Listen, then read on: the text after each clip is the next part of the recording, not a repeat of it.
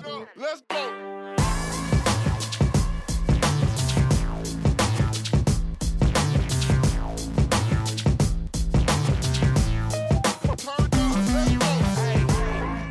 Já, komið sæl og velkomin í taktíkina. Við erum búin að breyta svolítið um takt í taktíkinu og erum fyrir að leggja áherslu á heilsu og lífstíl og það er einmitt það sem við ætlum að gera í þessum þætti allt frá því að við erum í móður kviði og til þess að ræða þessi mál er komin til mín settið hún Sonja Sif, íþrótafræðingur, velkomin.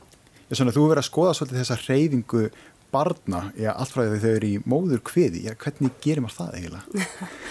Já, ég, ekki, ég hef ekki verið að skoða sjálf en hérna ég hef verið að kenna námskrin sem heitir bara reyfing og þróski barna. Og þar kemur bara þróskafræðin inn á það að þetta byrjar allt í móðukvið þannig að hérna bara svona lítið dæmi að hérna legvatni hefur náttúrulega áhrif á fóstri, það er endalins að snerta húðina, húðinu okkar staðista líffari þannig örfurinn, örfurinn byrjar strax þar myndi ég segja. Og þetta hefur bara áhrif á lífið, bara hvernig örfun fær barnið í sambandi við reyfið þróska, líkamsþróska, skínþróska og ímislegt fleira. Þannig að þetta byrjar ansins nefna og gaman að pæli þessu. Hvernig svona staðan og þróun á þessu? Erum við að setja börnin og mikið í, í kyrstöðu? Já, ég held að allar rannsóknir síni að, hérna, að reyfingarleysi er bara vandamál, myndi ég segja. Um, við erum kannski, lifum allavega á Íslandi í svolítið svona hröðu þjóðfélagi. Við erum alltaf flítokur, höfum lítinn tíma. Þannig að í mínum huga veist, þetta er kannski svona, við erum endalist að hérna, skapa okkur eitthvað vinnurými, þau í stólinn, bindu þau, hvort það er ömmustóll eða badnabílstóll eða fyrir fram á sjónvarpið, einhverstað sem kirstað og kannski pína hamlaði. Þannig að hérna, betur að vera frjáls, þurfa að kanna heiminn, þú veist, reyfa sig.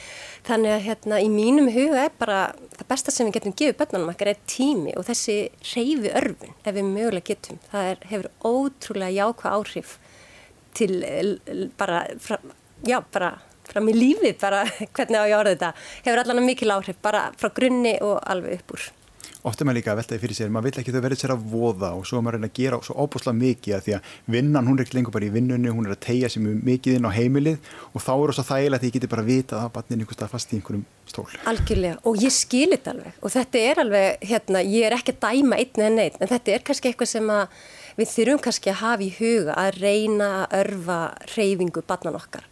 Og hérna við erum kannski rosa duglega í einhvern x tíma en þetta fylgir þeim allar, ég er að tala um fyrstu vikurnar, fyrstu mánuðina og svo fyrstu árin, svo byrjaði á leikskóla eða skóla og þá þurfum við að halda þessu við, af því það er alveg rannsókn sem sína fram á að góður reyfithróski, hann hefur líka áhrif á námsárangur og ímislegt fleira, þannig að hérna þessi örfun, hún mun alltaf koma barninu að gagni og við erum líka þannig gerða, veist, við erum ekkert fyrir kyrstuði, við þurfum hreyfingun, við þurfum að hafa blóðflæðið, þú veist það hefur svo gríðilega mörg lífælisfræðilega áhrif að vera á hreyfingu, hvort sem það tengist hormónunum eða þessari útrás eða hvað sem er.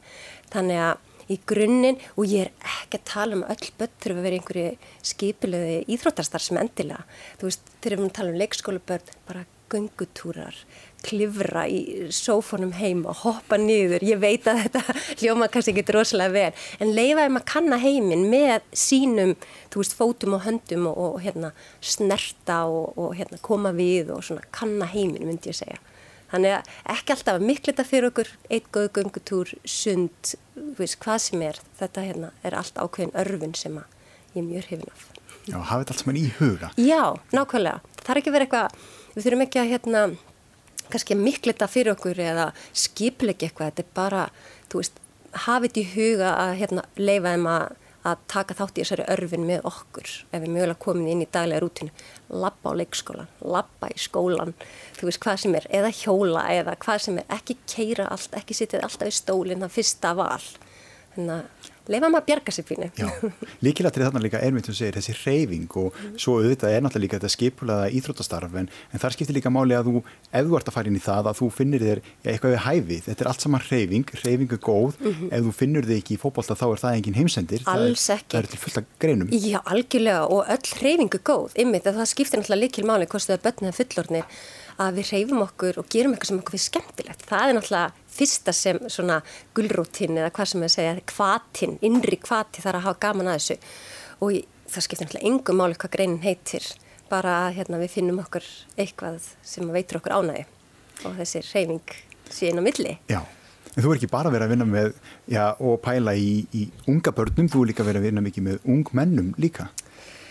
Já, ég hérna, er í grunninn íþróttakennari og hérna, hef kent í grunnskóla en lengstan starfsfeli hef ég verið framháskólakennari og hef búin að vera vist 20 ári í mentaskólanum þannig ég hef unni mikið með ungmennum og bara hef gríðilega gaman að því hvað sem það tengist uh, reyfingu, næringu og bara almennt svona heilsu far, það er bara svona mitt hugðarefni myndi ég segja. Og ég lít kannski á heilsu svona þetta er bæðið andlegt, líkamlegt og ekki síður félagslegt í mínum huga. Veist, það er þessi þrýr þættir sem ég hugsa um. Auðvitað skiptir máli að hérna, líkamleið þátturinn en andleið þátturinn skiptir ekki síður máli og þetta félagslega kannski tengis hverju tveggja þannig að veist, þetta er svona, já, svona keðja myndi ég segja. Mér finnst mér áhverð þetta með sko næringu á þessum aldri þegar þú ert að vinna með krakka í framhaldsskóla. Ég vunni mikið með í félagsmyndstöðum uh -huh. og góð máltíð þar getur talið stóritóspóki með orkudrykk og, og hlaupóka sko. Eh, hvernig finnum maður með næringu á þessum aldri? Já, eigum að fara ekki út í þetta. sko þetta getur verið svolítið svona hérna flókið stundum aðalega koma upplýsingunum til þeirra. Þau eru mismóttikilega á þessum aldri og að reyna að fá þau til þess að borða nóg, skiluru, að því að í mínum huga að borða við þurfum að nærast. Og ég reyna að leggja þetta þannig upp að veist, við erum bara frumu klasi, þú veist allar frumur þurfa ákveðna næringu til þess að bara hérna dapna og þroskast og starfa eðlilega. Og í grunninn er þetta bara að vita hvað kolvetni, fytu og prótín er og skilja að við erum að borða til að næra okkur. Veist, þetta er ekki eitthvað uppfyllingarefni í magan bara til þess að hérna, já, fyllan af einhverju. En hérna, ég reynir bara að ná til þeirra, þú veist, kenni næringafræði sem val í menturskólanum og svo er maður bara alltaf svona að þess að hérna, þau eru reyndar náttúrulega upp til hópa ótrúlega fróðlegsfús og er að nippi í mann og spurja um þetta og hitt og svo er þetta held ég bara líka ákveðið þróskabild, þetta kemur allt saman en maður þarf að vera opið fyrir að ræða þetta við þið. Næringafræði er mikilvæg grein upp á bara svona almenna helsu, tengis bæði andlega og líka með þætti, næringin okkar bara og ég kannski er endalist að pikki það því að í mínum huga er þið svolítið með svona uh, einhverja svona gerfi orku og ég þarf kannski að útskýra hvað ég meina með því, þá er ég bara að meina hérna, orkudrykkir eru gríðilega vinsali, ég sé á því miður bara 8-15 á mótnana þá er fyrsti opnaður og svo kannski næsti klukkan 10 og, og svo er líðu dagurinn. Og í mínum huga er þetta ekkert annað en gerðvorka, þú ert ekki að fá neina næringu út úr þessu. Og hérna næringafræði snýst um næringun að fá efnin sem líka minn þarf til að starfa. Þannig að í, það er að ymsa takkæma fyrir næringafræðina sko. Ja. en það er mjög staðalega þetta með að hérna, skilja aðalega út af hver af hverju eru að borða, til hvers og þetta passa sig að þessari gerfi orku. Hún kemur í bakja okkur hvort sem það tengist andleri líðan, byrja kannski með smá deburð og kvíða, svepleysi og íms, þetta er svo samverkandi þættir. Já. Þannig að hérna, já. Næring skiptur okkur miklu máli og mér finnst ég ofta að reyka mig á það að það tala um að borða hold og það er svolítið sko, það er erfitt stundum að tala um já, næringu að því að menn eru mjög ósamála. Það eru alls konar já, næringar fræði, alls konar meirunar kúrar og, og alls konar í gangi. Mm -hmm. Svo þurfum við svona pælið, ég meina við þurfum öll að borða í grunninn, við getum ekki hægt að mhm. borða mm -hmm. ef við erum með mætarfíkn sem dæmi. Algjörlega. Við höfum verið að borða síðan að maðurinn var til. Algjörlega. En erum samtingunin ekki alveg búin að fatta ennþá hvernig við eigum að gera þetta. Nei. Og þetta er mjög flókið og ég hérna, verða að vera hreinskil, mér er alveg pínu erfitt að að hérna, ræða um næringafræði hvað þá í sjóvarpi aðalúta þetta er svo, svo ung grein, við erum alltaf uppgöt eitthvað nýtt, við þurfum ekkert að fara marga áratöyu aftur í tíma þar sem að fýta var bara stórhættileg, í dag vitum að fýta er gríðarlega nöðsileg og á að vera, þú veist, alveg frá kannski 20-40% af intökun okkar yfir daginn, þannig að bara þetta hafa verið hrættu við fýtu og við þekkjum náttúrulega öll að kolvetni eða náttúrulega vera alveg bara neytrið helst eða þú veist allan að forðastuðu lengstileg en við vitum að þau eru gríðilega mikilvæg en bara kolvetni er svo ótrúlega stór flokkur þannig að við þurfum að vanda valið. Þannig að þetta er svona þetta er halkir frumskóur og ég skil alveg fólk sem að hérna skilu bara í þessu þessi segir þetta, hinn segir þetta en í grunninn held ég að allir hafa eitthvað til síns máls en við erum, þetta er einstaklingsbundið næring fer misvel í okkur og við þurfum mismikið eftir hvað við erum að gera dagstaglega. Ertu íþrættumæður, ertu kyrsettumæður, ertu úlingur, ertu enna uh, hérna, stækka og þroskast, ertu yngre en tveggjara, þú veist þá þarf að huga til dæmis saltneyslu og minni prótein og það er svo margi þættir. Þannig að það er kannski ekki takt að tala bara um næringafræði sem bara svona er þetta. Það er ekkit eitt rétt svar.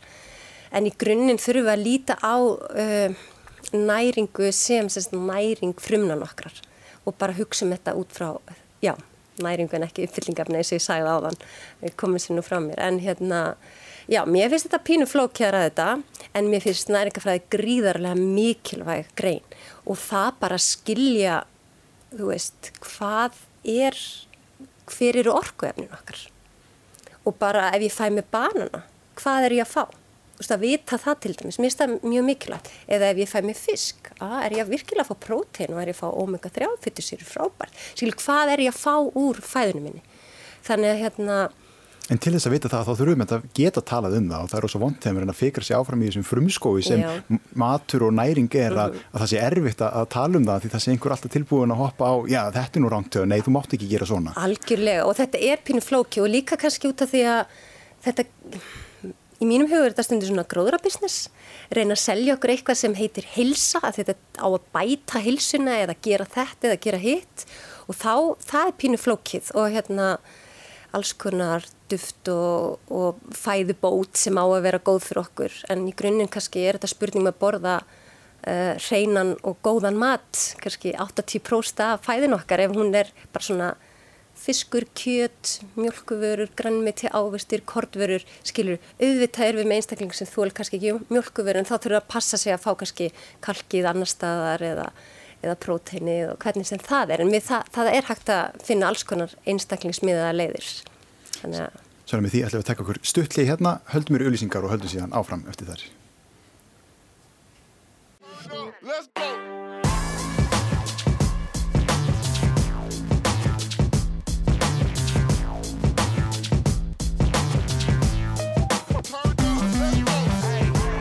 við höldum áfram einni í taktíkinni, hún er hjá mér um Sonja Sif og við erum að ræða um heilsu og lífstíl.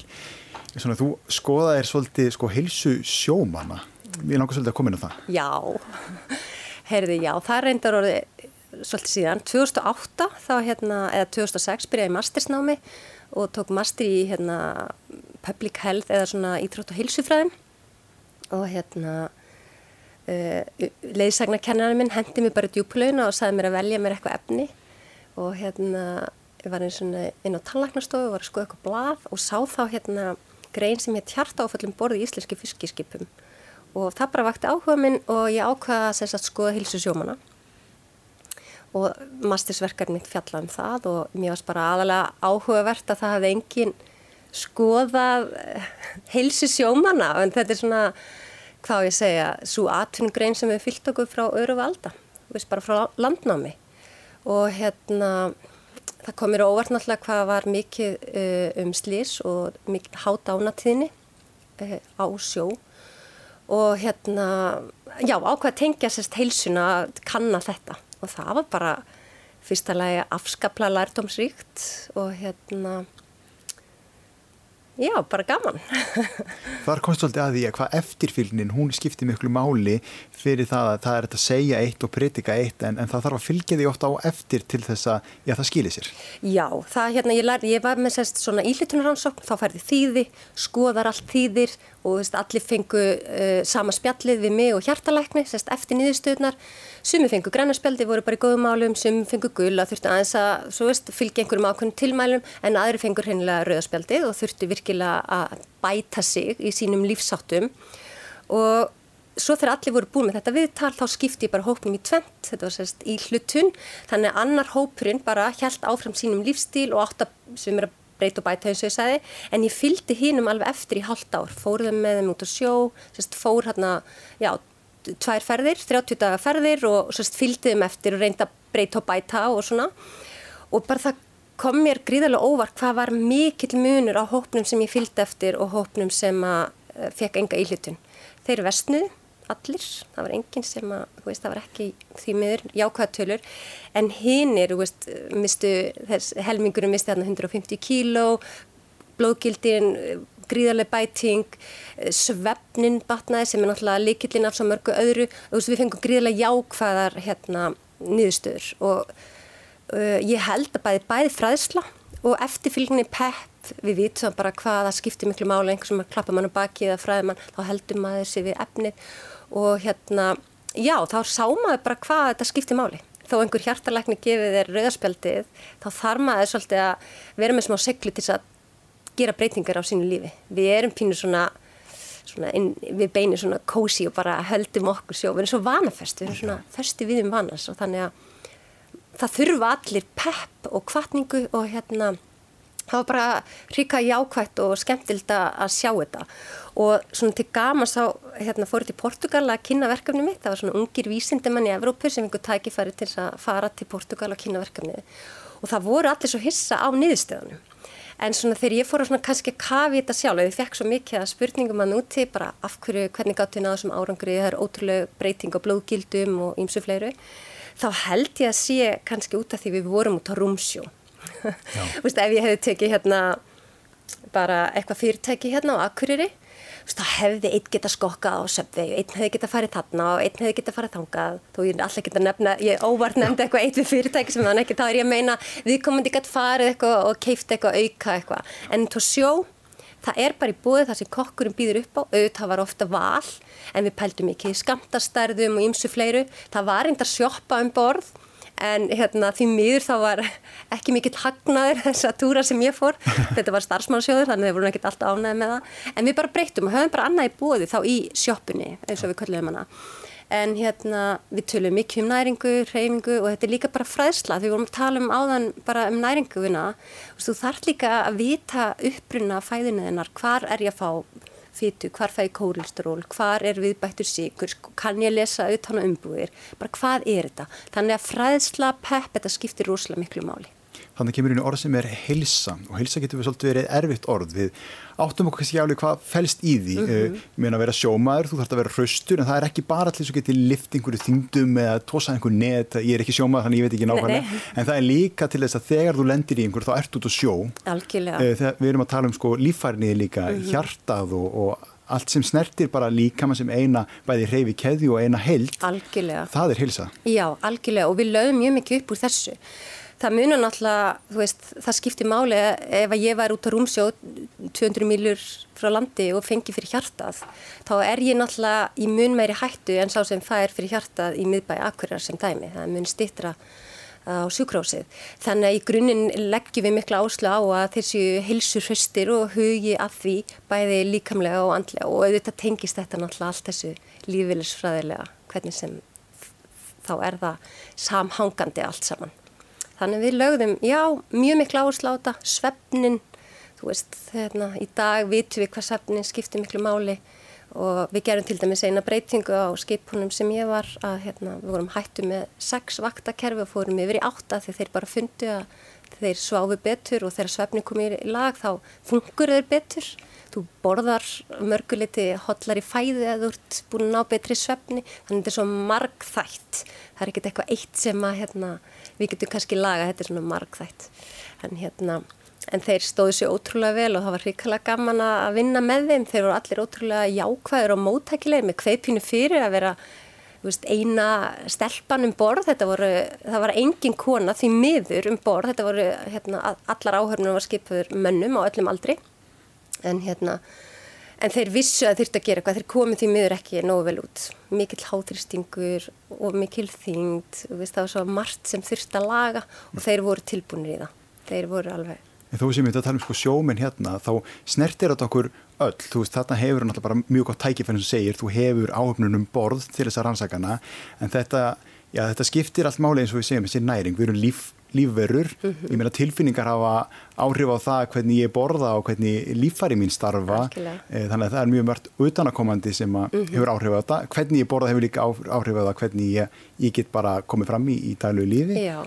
Eh, þannig að það skiptir mjög máli að við séum að, að huga að þessu, við heyrum til þess að þetta er mikilvæg um svefn í dag mm -hmm. það þarf að sofa vel mhm. og en ég meina það er svolítið meira bara að leggjast á kottan Algjörlega, það þarf að vera kvilt í svefninum og ná djúpa svefninum og ímslegt fleira en eins og ég kannski var að reyna veist, þetta það, við vorum svo hissa hvað við fengum góða niðurstöður og margir, en það er þetta að við gáttum stjórna breytunum. Alltaf þegar við gerum rannsókn þá eru ákveðna breytu sem hafa áhrif á þýðið okkar, en þau eru ert út á rúmsjó og þá, þeir voru mjög hlýðnir, þú veist, þú leggur eitthvað fyrir þá og þannig ég gæti stýrt þeim og það var held ég líkillina árangri. En svo þýrt að gera, nú er liðin 12 ár, nú þýrt að gera svona eftirfylgnisrannsókn og sjá hversu hversu duglegur voru að hérna, halda þessu við. Já. En þetta eins og þú segir, þetta skiptir allt máli. Og auðvitað þurfti ég að fá kokkin í lið með mér. Ég bannaði ekki neitt, við bara reyndum að betrum bæta, hafa meira val, upplýsa, þú veist, það var kannski ennþá sama kvítabrauðið á borðum, en það var líka trefjarikt brauð og að lokum hættu allir í kannski kvítabrauðinu. Þú veist, það voru keiftir eh, mörg kíló af grannmitt ávöxtum fyrir hvert túr, en ríkala mikið sem fór í ruslið í lók túrsins. Þannig ég hugsaði bara hvernig kem ég svo ofan í þá, hvernig fæði það til að borða þetta?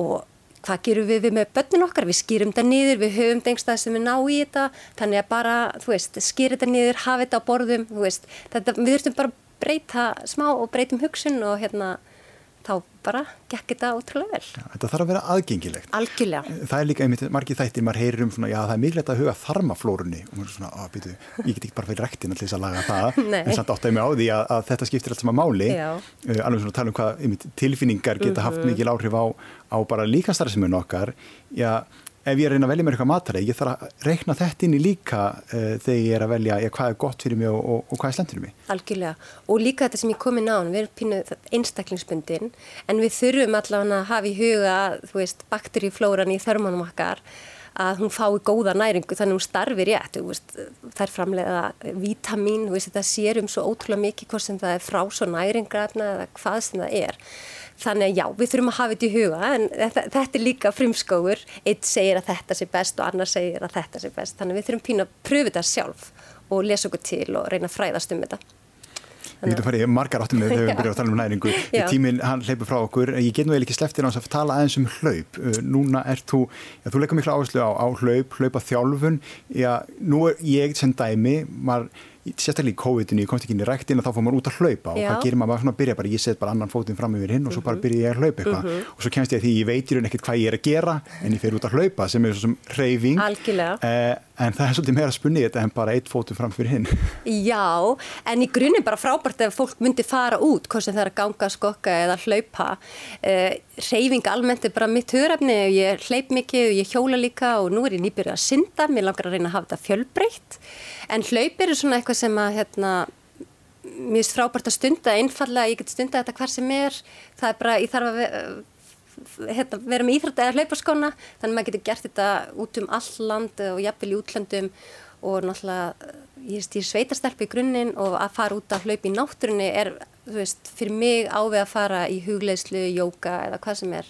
Ég nota ekki tónlistir í að hlaupa en auðvitað þarf maður kannski, ef maður er með einhver markmið að setja sér, þú veist, fá kannski einhverja tilsögn, en í grunninn er bara að byrja að hlaupa og svo kannski, hérna, já, ég myndi segja að kannski fá smá tilsögn, þannig að maður sé að beita sér rétt og hérna velja sér góð skó, það er nummer 1, 2, 3 með dempun og huga að svona njám og baki og svona.